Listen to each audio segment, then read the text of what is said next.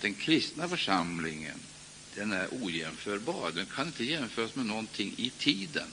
Den är helt ojämförbar. Men det finns ett problem här som vi har, och det är det problemet att vi vill gärna alltså vara med i religiöst arbete.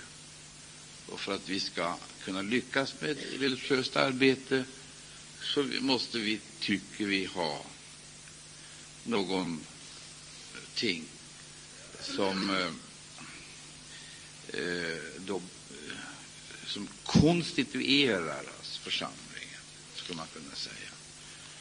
Och då eh, brukar vi vanligtvis skapa en förening, en eh, förening som vi då kallar ideell förening, och så kallar vi den församlingen, så kallar vi den gruppen för församling. Det är ju självklart att detta inte är en konstituerad församling i nytestamentlig mening. För att församlingen konstitueras ju inte genom några organisatoriska metoder. Det är en fullständig omöjlighet. Församlingen det är alltså ingen organisation. Och i den mån den är organisation så är det oerhört Eh, underordnat det som är helt överordnat, nämligen att församlingen är en organism. Alltså, man måste skilja på organisation och organism. Man måste skilja på korporation och kropp. Eftersom vi nu använder de här vanliga begreppen så blir det ofta väldigt fel i det vi företar oss. Vi tänker på ett fel sätt och handlar på ett fel sätt. Och därför kommer också resultatet att bli kanske något, annorlunda, något annat än det vi, vi, vi tänker oss. Jag ska ta en parallell till det här. Det är så här att vi har ju historiska källor som vi kan ösa ur. I de källorna kan vi läsa om olika kyrkor under olika perioder. Eh, vi kan läsa om olika traditioner. Vi vet att det finns många sådana kyrkor som kan vetenskapligt alltså eh, då eh,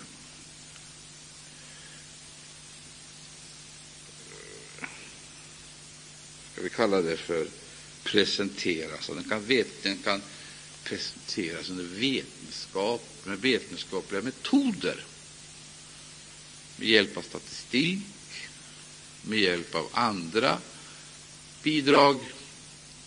Man kan alltså göra doktorsavhandlingar och andra vetenskapliga arbeten på kyrkan. Och då menar vi att det här är alltså kristendomshistoria eller kyrkohistoria. Att det är kyrkohistoria, det är tydligt. Men kyrkan den går aldrig tillbaka till exempelvis urkristendomen och Herren Jesus Kristus. Utan för att göra det här enkelt och lätt så säger jag kyrkan den kan härledas alltså till påven och det påven står för. Den kan ledas tillbaka alltså till påven. Eh, Medan däremot församlingen, den finns det knappast några informationer om i det som kallas kyrkohistoria. Därför det finns inga möjligheter att använda vetenskapliga metoder för att ringa in och beskriva församlingen. Den är alltså inte tillgänglig såsom en social enhet som kan ringas in på det sättet. Och därför ska vi lägga märke till att församlingens historia den finns knappast i kyrkohistorien. Församlingens historia den ligger på ett annat plan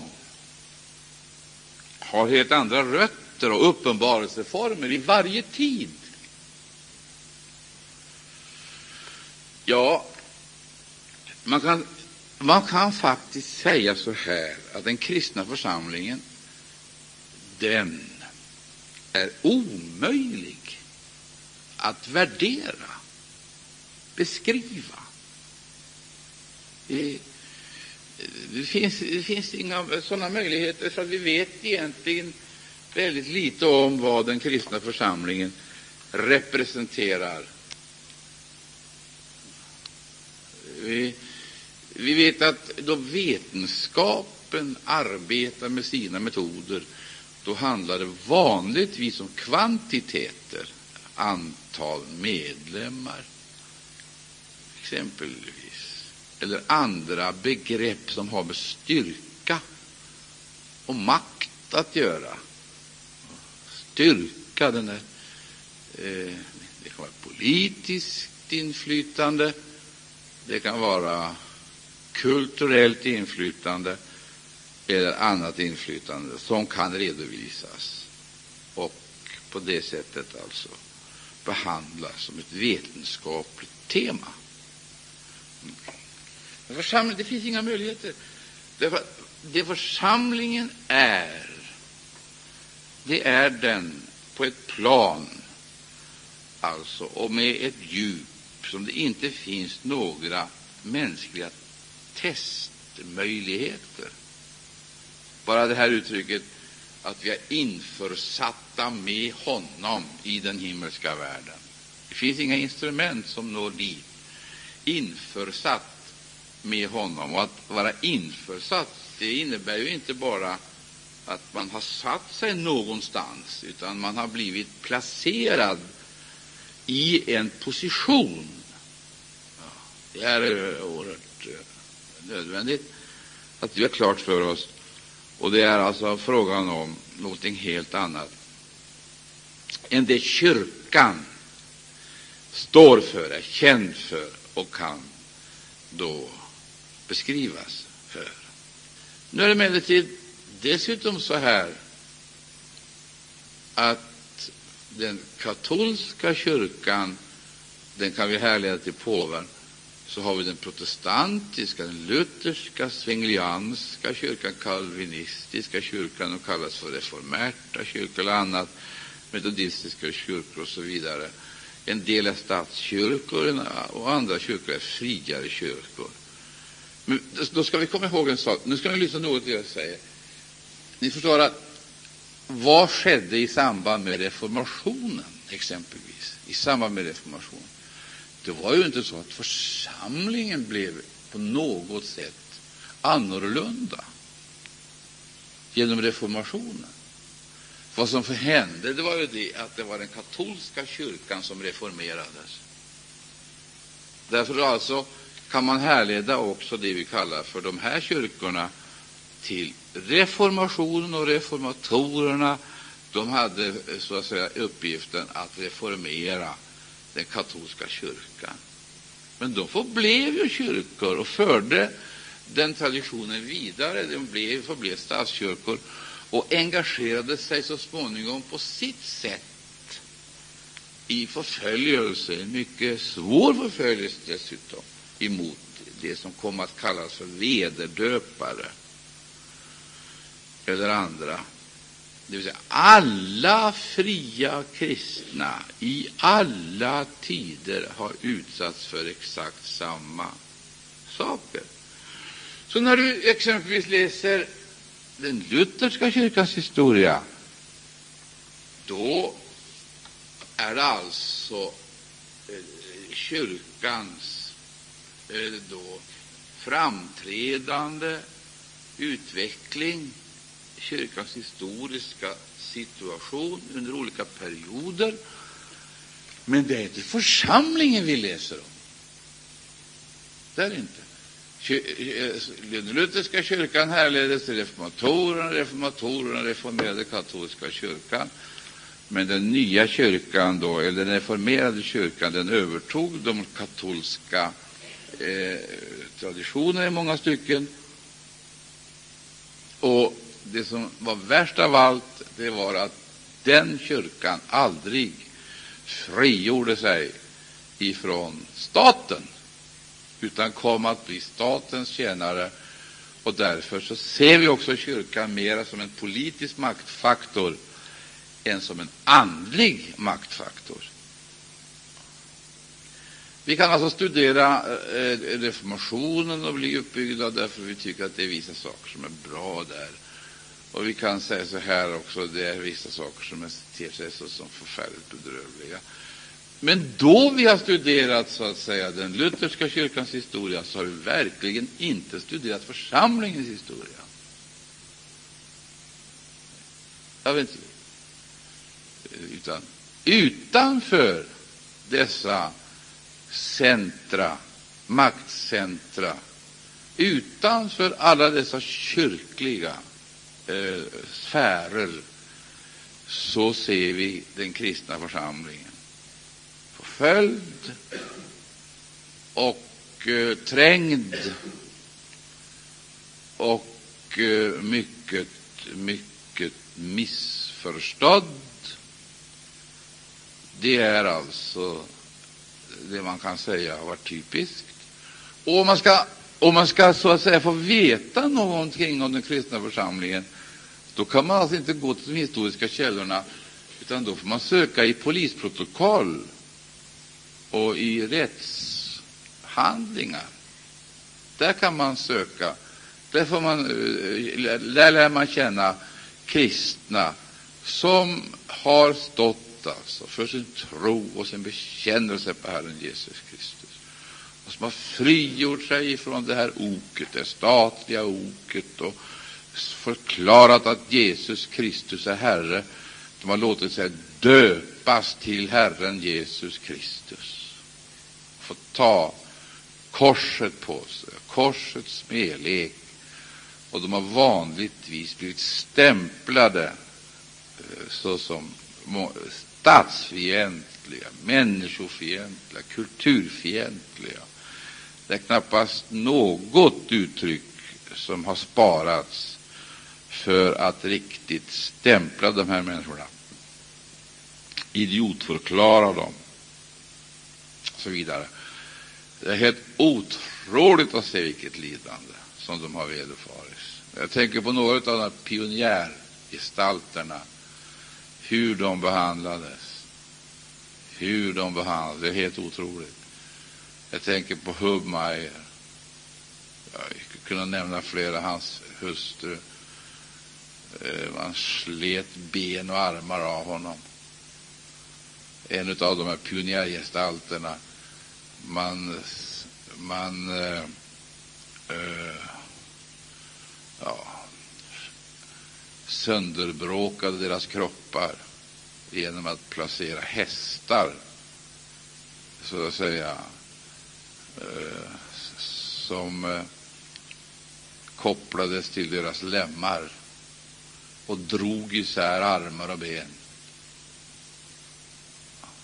drog isär armar och ben till dess alltså att de genom behandlingen dog. En förfärlig död. Och det var inte katolska kyrkan som gjorde detta, det var den lutherska kyrkan. Ja, och de som vi idag så att säga sätter fram såsom framstående gestalter, exempelvis för den kristna församlingen, de var ingenting annat än förföljare, och det är inte fel att kalla dem för skurkar därför att de förföljde de här människorna in i döden, precis in i dörren, överallt där de hade möjligheter till det. Eh, frun till den här som på det här sättet sönderbråkades, hon buntades ihop i ett paket. Hon eh, forslades sen ut på Donau där hon ihopbuntad kastades i havet eller i floden och dränktes. Detta skedde i Guds namn, var alltså det var kyrkans sätt att bevara tradition och religion från alla kontroversiella teologier, förkunnelser om människor. Vi måste komma ihåg man kan inte gå till katolska kyrkan. Vi får inte veta någonting om, om församlingen där. Utan den berättar om påven och så att säga kyrkans utveckling. Och den har enormt mycket att säga därför att den har ju haft hela, eh, den har ju haft universiteten och andra organ till sitt förfogande där den har kunnat utveckla sina teser. Och eh, Eh, förtigit så att säga allt som har talat om församlingen, församlingens framtoning i personlig överlåtelse till Herren Jesus Kristus, i personlig efterföljelse och så vidare. Och därför så, måste jag, jag, betona gång på gång, gång på gång, för er som sitter här och för oss alla, att ska vi få veta vad församlingen representerar, då måste vi göra klart för oss att församlingen har inte sina rötter eh, i exempelvis statskyrkan. Det är helt omöjligt. Det är helt omöjligt. Antingen den är katolsk eller protestantisk. Den har inte sina rötter där. Katolska kyrkan kan härledas till påvarna. Den eh, eh, reformerta kyrkan eller reformationen kan härledas till reformatorerna. Men den kristna församlingen, den kristna församlingen, den ligger på djupet, under eller bortom allt detta. Och den kan alltså inte jämföras med några av dessa kyrkliga aktiviteter, oberoende i vilken tid det är frågan om, eller under vilka former som kyrkan har valt att uppträda, som en statskyrka eller en mer eller mindre fri kyrka. Och då måste vi komma ihåg att problemet blir naturligtvis större ju längre fram i tiden vi kommer. När vi fram till exempelvis det här seklet och det här seklets början, då får vi andra problem därför att parallellt med den reformation som vi har talat om så träder det fram på historiens eh, blad andra grupper, andra grupper, fria, självständiga grupper som placerade sig alltså utanför det vi skulle kunna kalla för alla religiösa och andra läger och gjorde sig omöjliga därför att de valde att bära Jesu Kristi smälek. De gick ut till honom utanför lägret, och de var därmed omöjliga. De var omöjliga för kulturlivet, de var omöjliga för föreningslivet, de var omöjliga för politiken. De var omöjliga. De var totalt omöjliga så för eh, hela den värld som eh, omgav dem, som lockade och pockade. Ibland drev de eh, ut i öknen eller försökte värva dem för olika inomvärldsliga insatser. För att vi ska komma ihåg en sak. Vi ska komma ihåg att det finns inget samhälle på jorden, det finns inget samhälle i tiden som inte vill ha förbättringar. Alla vill ha förbättringar. Alla vill ha sina system reformerade. Det ska vi göra klart för oss. Och det är helt uppenbart att den kristna församlingen har varit en reserv, en fond.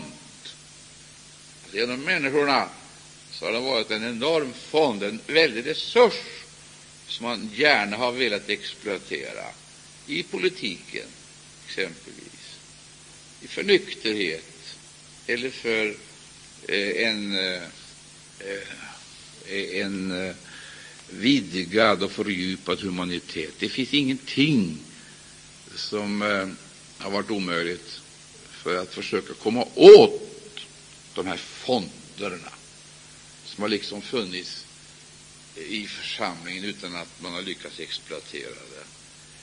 Jag ska ta eh, en, eh, en enkel sak. Ja, gode Gud. Det här är ju helt oerhört. Jag har funderat på det här många gånger. Och när jag möter moderna, moderna kristna så ifrågasätter jag uppriktigt sagt om vi är kristna. Jag tror inte att vi är kristna i urkristen mening, alltså för att vi har lyckats med trolleriet, detta förfärliga trolleriet, att eh, förena exempelvis då kristen tro med ett allt mer eh, påtagligt, en allt mer påtaglig världslighet, alltså, världslikställighet. Eh, det, här, och det, det, det här är någonting ganska underligt att detta har skett, alltså, att detta har kunnat ske. Därför att när vi läser Bibeln så står det så klart och tydligt att det finns inga möjligheter att förena två så oförenliga motsatser som exempelvis Guds rike och världen. Det är helt uteslutet. Vi vet ju att eh, det ena utesluter det andra. Det ena utesluter det andra. Det är frågan om att älska eller hata. Antingen älskar vi Gud och hatar vi världen, eller så älskar vi världen och hatar Gud. Så står det ju. Bibeln säger ju att världen förgås med allt vad världen är och har, det förgås. Det försvinner, upplöses. Och så får vi veta då vad som är typiskt för världen, det är ju ögonens begärelse, det ha-begäret. Ögonens begärelse, ja. står det ju. Och så är det högmod över detta livets goda. Där har du maktbegäret, det kvalificerade maktbegäret, och så har du köttets begärelse. Eh, ser vi på det här, allt förgås, allt förgås, allt försvinner, allt upplöses, det har ingen som helst, inget förblivande värde. Och ändå så upptäcker vi ju det att människor, de blir ju förslavade, förslavade på olika sätt. Ha-begäret exempelvis, giv hit, giv hit, giv hit, det är blodigelsmentaliteten. Och den möter överallt, Vi möter den i våra länder som vi kallar för rika länder, och vi möter dem i de fattiga länderna, där är det precis exakt likadant.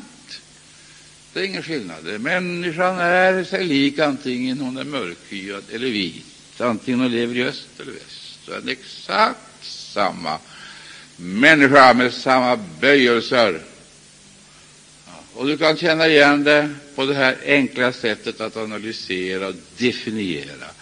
Det är ögonens begärelse, det har begäret. Ja. Ögonens köttets begärelse, där har du lustan. Lustan. Och så har du högfärd över detta livets goda, det är maktbegäret. Jag har hört på några program under de, de sista dagarna. Jag blir så förfärligt trött. Jag blir så trött att höra på dessa, detta chatter det är så, det, det, det är så oerhört löjligt, därför att vi tappar bort väsentligheterna. Vi ägnar oss åt att försöka råda bot alltså på symptom hela tiden. Det är symptom som vi ägnar oss åt. Sätter in alla våra krafter för att försöka besegra symptomen, men vi kommer aldrig till roten. Aldrig ner till roten. Eftersom vi inte kommer ner till roten så inträffar det som vi ser i vårt eget samhälle. Människor blir förmögna och pösiga, självsäkra och självtillräckliga. Och ju mer trygg hon blir, ju tryggare hon blir, ju odrägligare blir hon. Det skulle vara tvärtom. När hon blir trygg, då skulle hon vara fridsam och ödmjuk. Men blir hon trygg, då är hon riktigt farlig riktigt farlig. Därför att hon kan alltså då ställa till ett elände för sig själv och andra. Och den här tryggheten som vi exempelvis möter hos den rike mannen. Nu har jag, och så vidare. Allt väl ställt. Den rike mannen som tänkte att nu ska jag bygga ut ytterligare för att ta emot den enorma skörd som nu väntar på mig.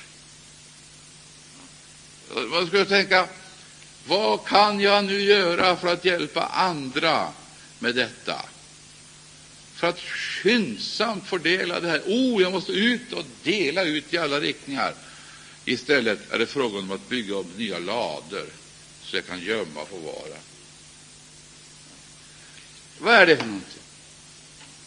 Vi kunde sätta flera olika rubriker på det där, men en sak är helt uppenbar. Där har du människan, den fördärvade människan, som inte förstår att den största lycka i livet är inte att äga, utan den största lycka är att få ge. Få ge någonting av sig själv. En del tror att bara jag får det och uppnår det, når fram dit, då är min lycka gjord. Det är bara dumheter. Bara dum, det, det, det är alltså hägringar. För när man kommer fram så ger det alltså ingen det, det ger ingen hugsvalelse, det ger ingenting. Nej. Jag, jag tycker det här är så oerhört skakande. Därför att det stora problemet är hela tiden att vi låter oss alltså fascineras och fixeras. Vi ser saker och ting och så tror vi det här behöver, det här ska jag, det här ska jag satsa på. Så hänger man sig åt det och så blir man fånge. Det visar sig att när man har fått det man begär så har man försatt sig i en situation som i praktiken och i realiteten har inneburit att man har blivit en kvalificerad slav. Man är slav förslavad.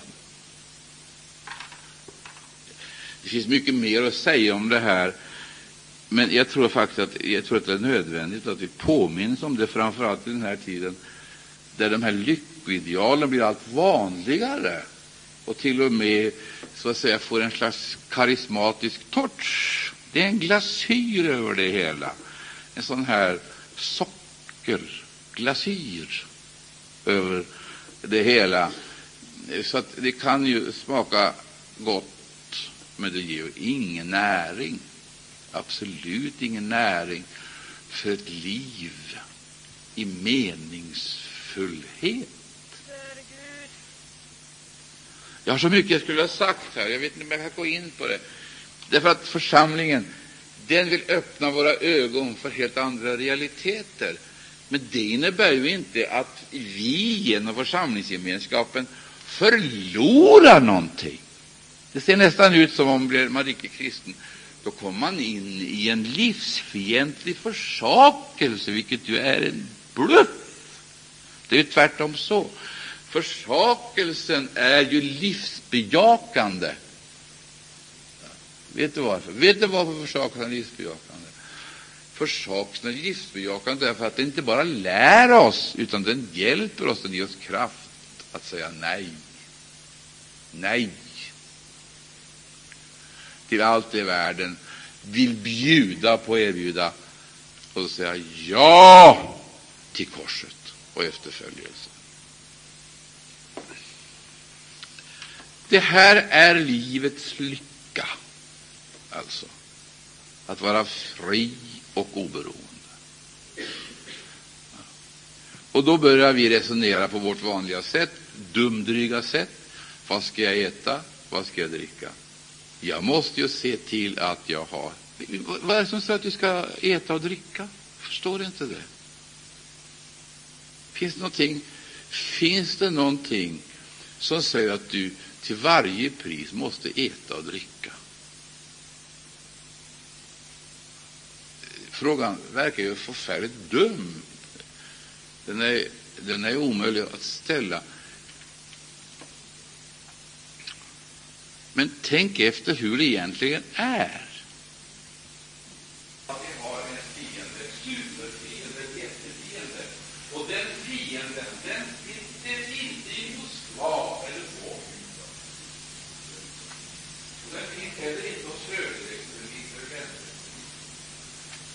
heller inte hos några andra grupper av det här eller där. Den fienden,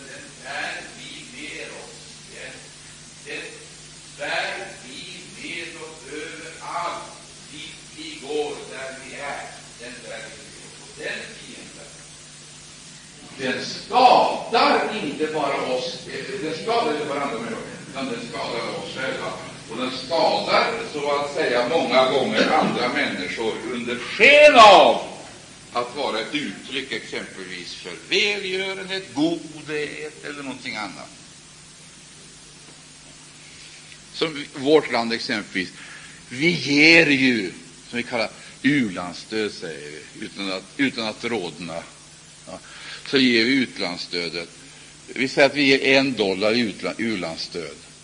Ja, och så tar vi tillbaka tar vi tillbaka fem dollar med vår handelspolitik, vår handelsimperialism. Under sken av att vi så att säga bedriver alltså u-landsstöd och, och, och stöder andra eh, då underutvecklade, underutvecklade grupper som vi har plundrat. Vi har plundrat i årtionden, först genom kolonialismen och nu genom nykolonialismen, eh, som eh, så att säga markeras i handelspolitiken. Vi plundrar deras naturtillgångar och så vidare och utnyttjar våra, vår enorma teknologi, vår byråkrati, för att fortsätta att plundra de här folken på ett mer sofistikerat sätt. Och det ska se ut som om vi hjälper de här folken. Det ska se ut som om vi hjälper dem, när vi i verkligheten alltså plundrar dem. Eh, så ger vi då en dollar och kallar det u och så tar vi tillbaka fem dollar genom handelspolitiken ifrån samma människor. Alltså, vad vi måste göra klart för oss, det är systemsatt i världen. Och det olustiga och otäcka det är att det går igen också i kyrkan. Så kyrkan blir alltså eh, en, eh, eh, ett etablerat system, politiskt system med religiösa förtecken. Jag kommer in på det här därför att jag tycker att det är så fruktansvärt viktigt att vi måste förstå att om inte all vår hjälp är förutsättningslös, då är den belastad alltså utav egoismen. Och där egoismen finns, där finns det definitivt ingen som helst, ingen som helst, jag säger ingen som helst eh, gudsfruktan. Det är det som är det otäcka. Då frågar man det, hur ska det här, vad blir det av det här? Ja, vad blir det av det här? Det blir helvete. Det blir ingenting annat än helvete. Och det är ju det Bibeln säger.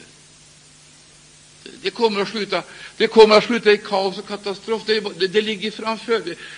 Vi rör oss med matematisk precision emot det tillstånd som är universellt, det vill säga då det inte finns reservutgångar och reservmöjligheter eller några möjligheter att tillgripa några förändrade eller radikala åtgärder. Vi rör oss emot det tillstånd som Bibeln kallar för Babylon, ja, med precision. Och vad är Babylon för någonting? Ja, det är Sodom och Egypten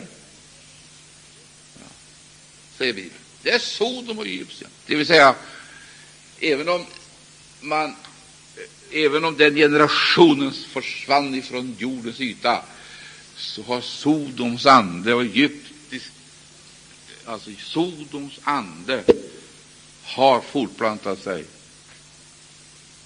kring hela planeten och åstadkommit de vidriga förhållanden som vi nu ser för våra ögon. Ibland så blir vi upprörda, andra gånger så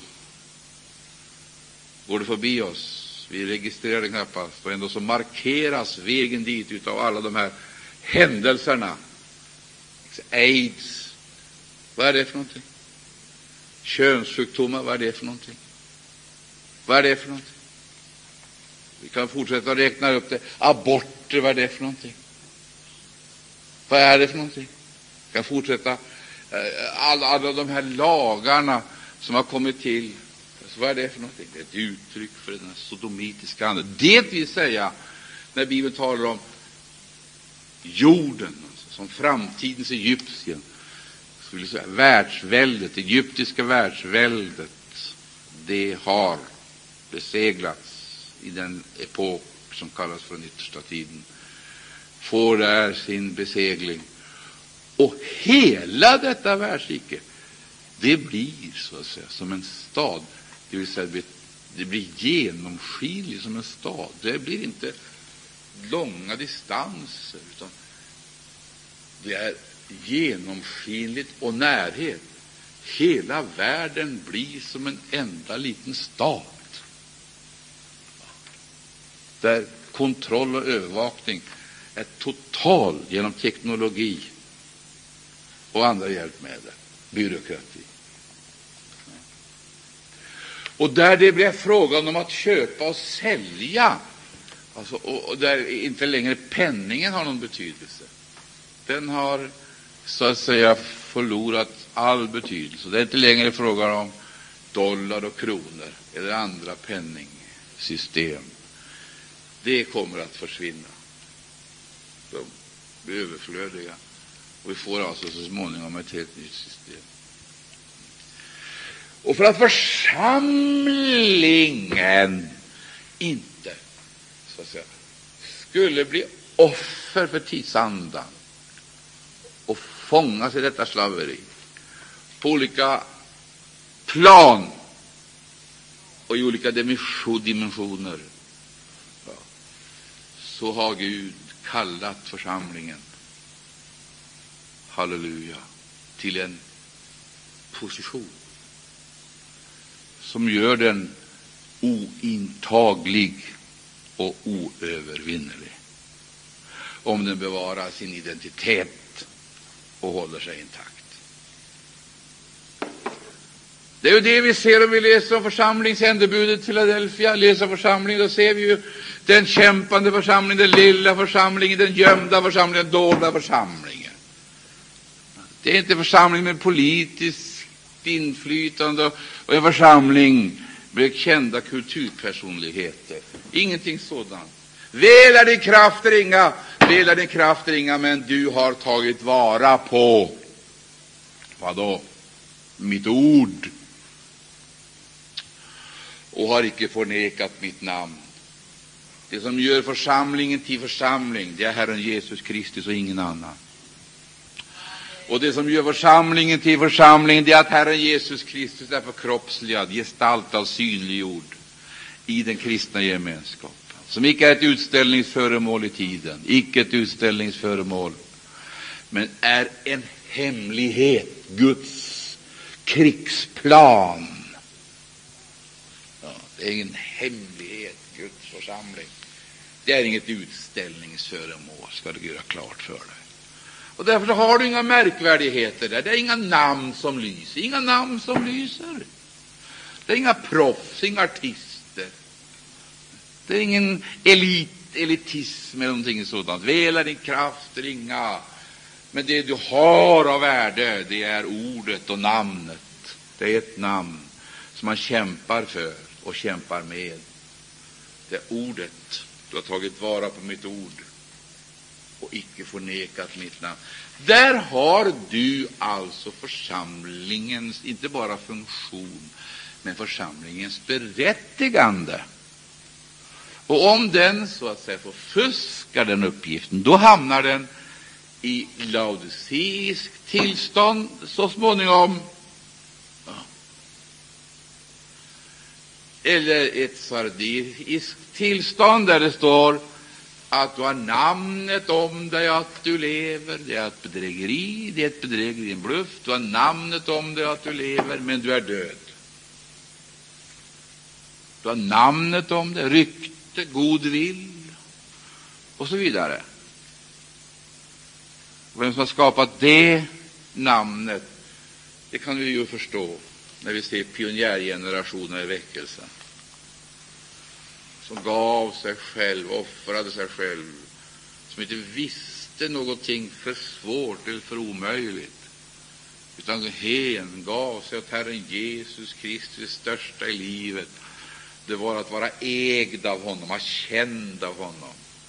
att man ägde Jesus Kristus. Det var storheten, det var tillgången, det var det som var meningsfullt. Och att man väntade Jesus, väntade honom, levde med honom. Halleluja.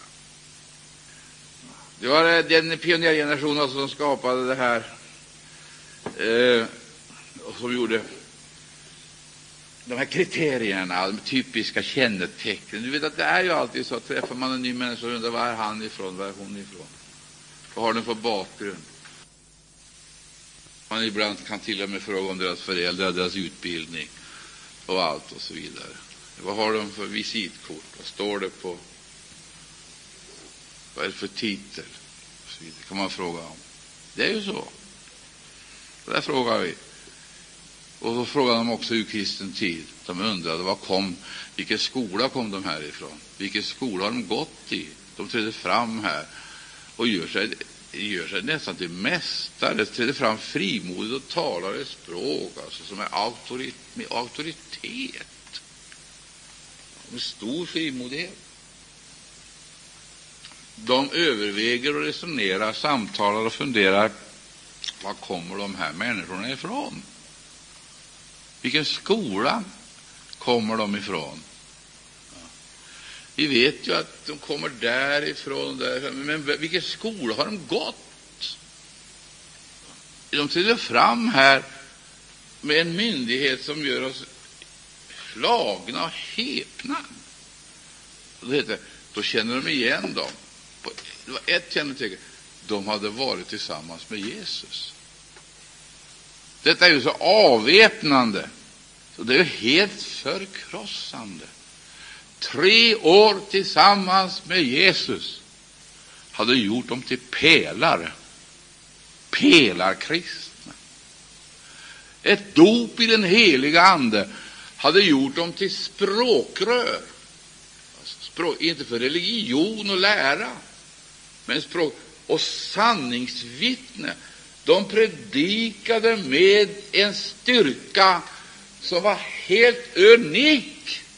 Och så ropar de ut i alla riktningar att den Jesus som ni har dödat, honom har Gud uppväckt och gjort till både Messias och Herre. Ja, förstår, ni förstår, det, här, det här är ju, det är ju helt oerhört. Då kände man igen dem att de hade varit tillsammans med Herren Jesus Kristus. Med andra ord, vi kan ju skaffa oss vilka akademiska betyg som vi vill i, i alla möjliga discipliner. Vi kan lära oss logik och retorik, matematik, teologi och vad som helst, vad som helst, vad som helst. Och vi kan lära oss homiletik och exegetik. Vi kan lära oss ja, jag skulle säga, allt som finns att lära. Och vi kan få så att säga vår vår eh, promoveras till, le, till doktor så vidare. Och det har ingen som helst effekt. Ingen som helst effekt.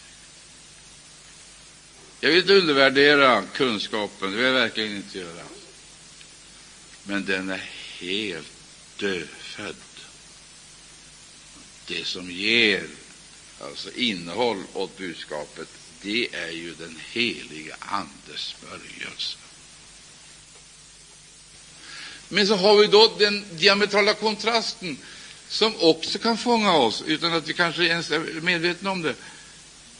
Det är Laodicea som säger och bekänner jag är rik men fattas intet. Och där har du alltså det fullbordade självbedrägeriet. Och du vet icke Hörru, i Sardes sa han, du har namn om dig. Det var man bedragen. Du har namn om dig. Men i Laodicea, där du säger, där är inte bara bedragen, där är man självbedragen. Och det finns ingenting som är värre än självbedrägeriet. Det är ett steg vidare i förstockelse. Du säger jag är rik men jag fattar inte, och så vet du inte att du är fattig, ömkansvärd, naken, du är blind. Så råder jag dig då Åh, halleluja, tänk att ha Herren Jesus Kristus som rådgivare. Då får man rätta råd, sanna råd. Så råder jag dig då att du köper av mig guld som är luttrat i eld, olja, så du kan smörja dina ögon. Vad är guld luttrat i eld? Ja, vad är det? Beprövad tro. Beprövad, inte tro, teoretiserande, men beprövad tro. Tro med erfarenhet, upplevelser. Olja, vad är det? Smörja mina ögon. Ibland så upplever man som predikant en djup förtvivlan över att det Herren Jesus Kristus egentligen vill ha fram, det kommer inte fram. Därför man inte mäktar inte med det, och så finns det inte förlossningskraft. Det är ungefär som om fostret hade kommit fram till förlossningen, och så finns det ingen förlossningskraft. Och det blir bara lik förgiftning och död. Hela havandeskapstiden ligger bakom och, och så skulle det förlösas någonting. Och då finns det ingen förlossningskraft. Kommer fram till förlossning, men så händer ingenting. Det finns ingen förlossningskraft. Och i Guds rike där finns det inget sånt här eh, ingrepp. Vad kallas det när man... Va? Kejsarsnitt. I det finns det inga kejsarsnitt, det ska ni klart för er. Det gör det inte. Där man kan frita sig från smärta, där finns det heller ingen sån här lustgas. finns det inte. Guds rike. Förlossningen den måste ske under djup smärta, under djup vånda. Och det kan inte, så att säga, eh, utföras med hjälpmedel. Urtunningen, förflackningen, förytligandet, allt detta hindrar en förlossning hindrar, absolut hindrar en förlossning. Allt det här som jag nämnt om beror på självbedrägeriet. Vi tror, vi inbillar oss att det är annorlunda än vad Bibeln säger. Vi tror att nu gäller andra lagar, och andra bestämmelser, och andra metoder och andra erfarenheter. Inbillar vi oss detta, så tror vi att det vi håller på med är framgångsrikt, därför att vi kan peka på vissa framgångar framgång i ekonomi, framgång i numerär, framgång i anseende, framgång så att säga på olika sätt, framgång i etableringen, framgång, framgång. Vi tror att det är framgång, då det markerar klart och tydligt avfall och urartning och så vidare. Vela din kraft ringa, men du har tagit vara på mitt ord och har icke förnekat mitt namn. Där är kampen för församlingen, där ligger den. Det ligger inte om våra rättigheter och vår värdighet. Det ligger inte om någonting annat. Kampen för församlingen, det är ordet och namnet det gäller. Det ord som ska inte bara tros utan också praktiseras, som ska levandegöras, åskådliggöras, synliggöras. Kampen för att bli bevarad den första kärleken. Kampen för att bli bevarad den första kärleken och, falla, och inte falla ner på ett sekundaplan kampen för att, så att säga, bli kvar i det som var ifrån begynnelsen. Bli kvar i det utan att man förändras eller förändrar. Kampen för det som var ifrån begynnelsen, bevara och leva i detta och förnyas i det. Det är där problemet ligger. Det är kampen för ordet, för namnet. Tar vi inte upp den kampen så kommer vi ha framgång så mycket vi vill.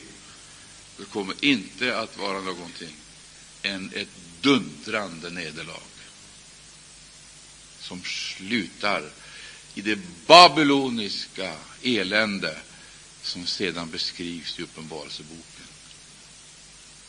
Därför så kommer kallelsen till oss denna kväll, i detta nu, att vi ska komma in i det här förundliga livet och förnyas vidare. Efesierbrevets erfarenhet och upplevelse där det här, o min bön är att vår Herres Jesu Kristi Gud, härlighetens Fader, må giva eder en visdomens uppenbarelsens ande till kunskap om sig. Får jag fråga, hur många är det som vill ha mer kunskap, få veta mera? Få veta mer om Herren Jesus Kristus. Och då räcker det inte med att läsa litteraturen. Vi måste söka in i skriften, men vi måste få en visdomens och uppenbarelsens ande så att vi kan uppleva verkligheten av hans närvaro. Och att han må upplysa edra hjärtans ögon så att de förstår hurdant det hopp är, vartill han har kallat eder. Hur rikt på härlighet hans arv är bland de heliga och hur översvinnlig stor hans makt är på oss som tror allt i enlighet med den väldiga styrkans kraft varmed han har verkat i Kristus. Halleluja! I det han uppväckte honom från de döda och satte honom på sin högra sida i den himmelska världen. Men låt oss göra klart för oss, han må upplysa edra hjärtans ögon så att vi förstår hurdant det hopp är, vartill han har kallat eder. Det är Efesierbrevet 1. Efesierbrevet 1, från den 17 versen. Min bön är att vår Herres Jesu Kristi Gud, härlighetens Fader, må giva eder en visdom och uppenbarelsens ande till kunskap om sig. Du, får jag se dig in i ansiktet. Vad tror du sker med den människa som får den här synen på honom? Då hjärtats ögonpar, inte de här ögonen som ser allt möjligt och vill så att säga gripa tag i oss så vi attraheras och, och aktiveras att skaffa, skaffa, skaffa, skaffa, tillägna, tillägna, tillägna. Vi ser det, fångas utav det, fegras, lockas utav det. Men tänk dig hjärtats ögonpar får se Jesus. Hjärtats ögonpar. Vad är hjärtats ögonpar för någonting? Vem är det som har hjärt, ögon i hjärtat? Det finns väl ingen som har det? Hjärtats ögonpar, förstår du, det är tron. Det ord. Genom tro förstår vi. Genom tro ser vi. Genom tro handlar vi. Genom tro lever vi. Det rättfärdiga ska leva av tro. Hjärtats ögonpar, det är tron. Hjärtats ögonpass ser ting långt bortom tidens gränser. Halleluja. Hjärtats ögonpass ser Jesus umgås med Jesus, lider med Jesus, fröjdas med Jesus, ber trons bön. Min bön är att vår Herre Jesu Kristi Gud, härligheten Fader, må giva är den visdoms uppenbarelsens ande till kunskap om sig. Är det någon här som behöver det? Är det någon här som behöver det? Behöver du det? Det är endast och allenast detta personliga förhållande till Herren Jesus Kristus som gäller. Finns inga möjligheter till några mellanhänder mellan, så att säga, eh, människor Det finns ingen annan medlare mellan Gud och människan, Herren Jesus Kristus. Vi behöver se honom, vi behöver se honom, vi behöver se honom. Vi behöver röras av honom, röras och gripas av honom, vi behöver hänföras av honom. Det är där allt, allt, allt, allt får sin lösning.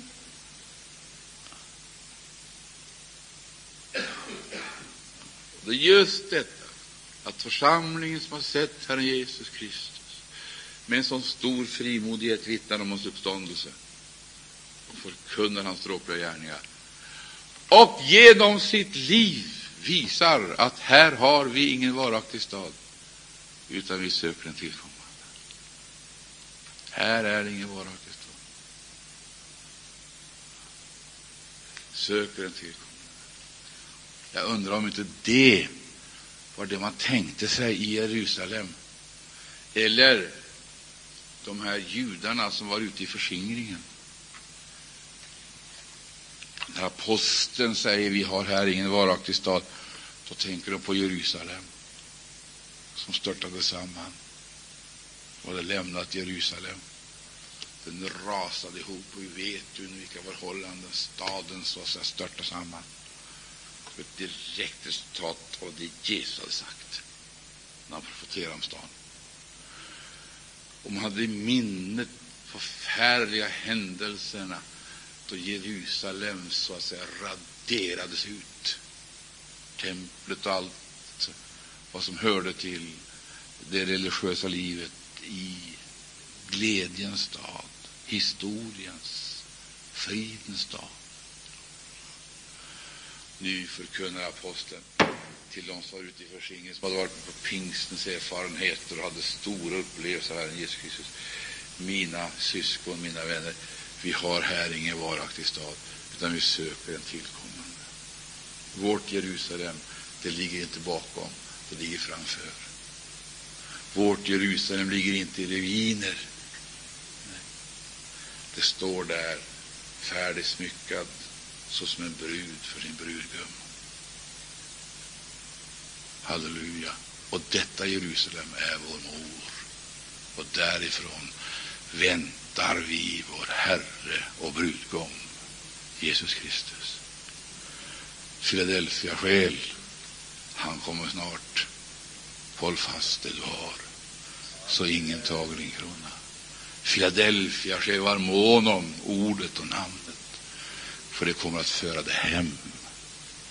Hem dit du längtar och är efterlängtat och väntad. Gud välsigne oss alla. Amen.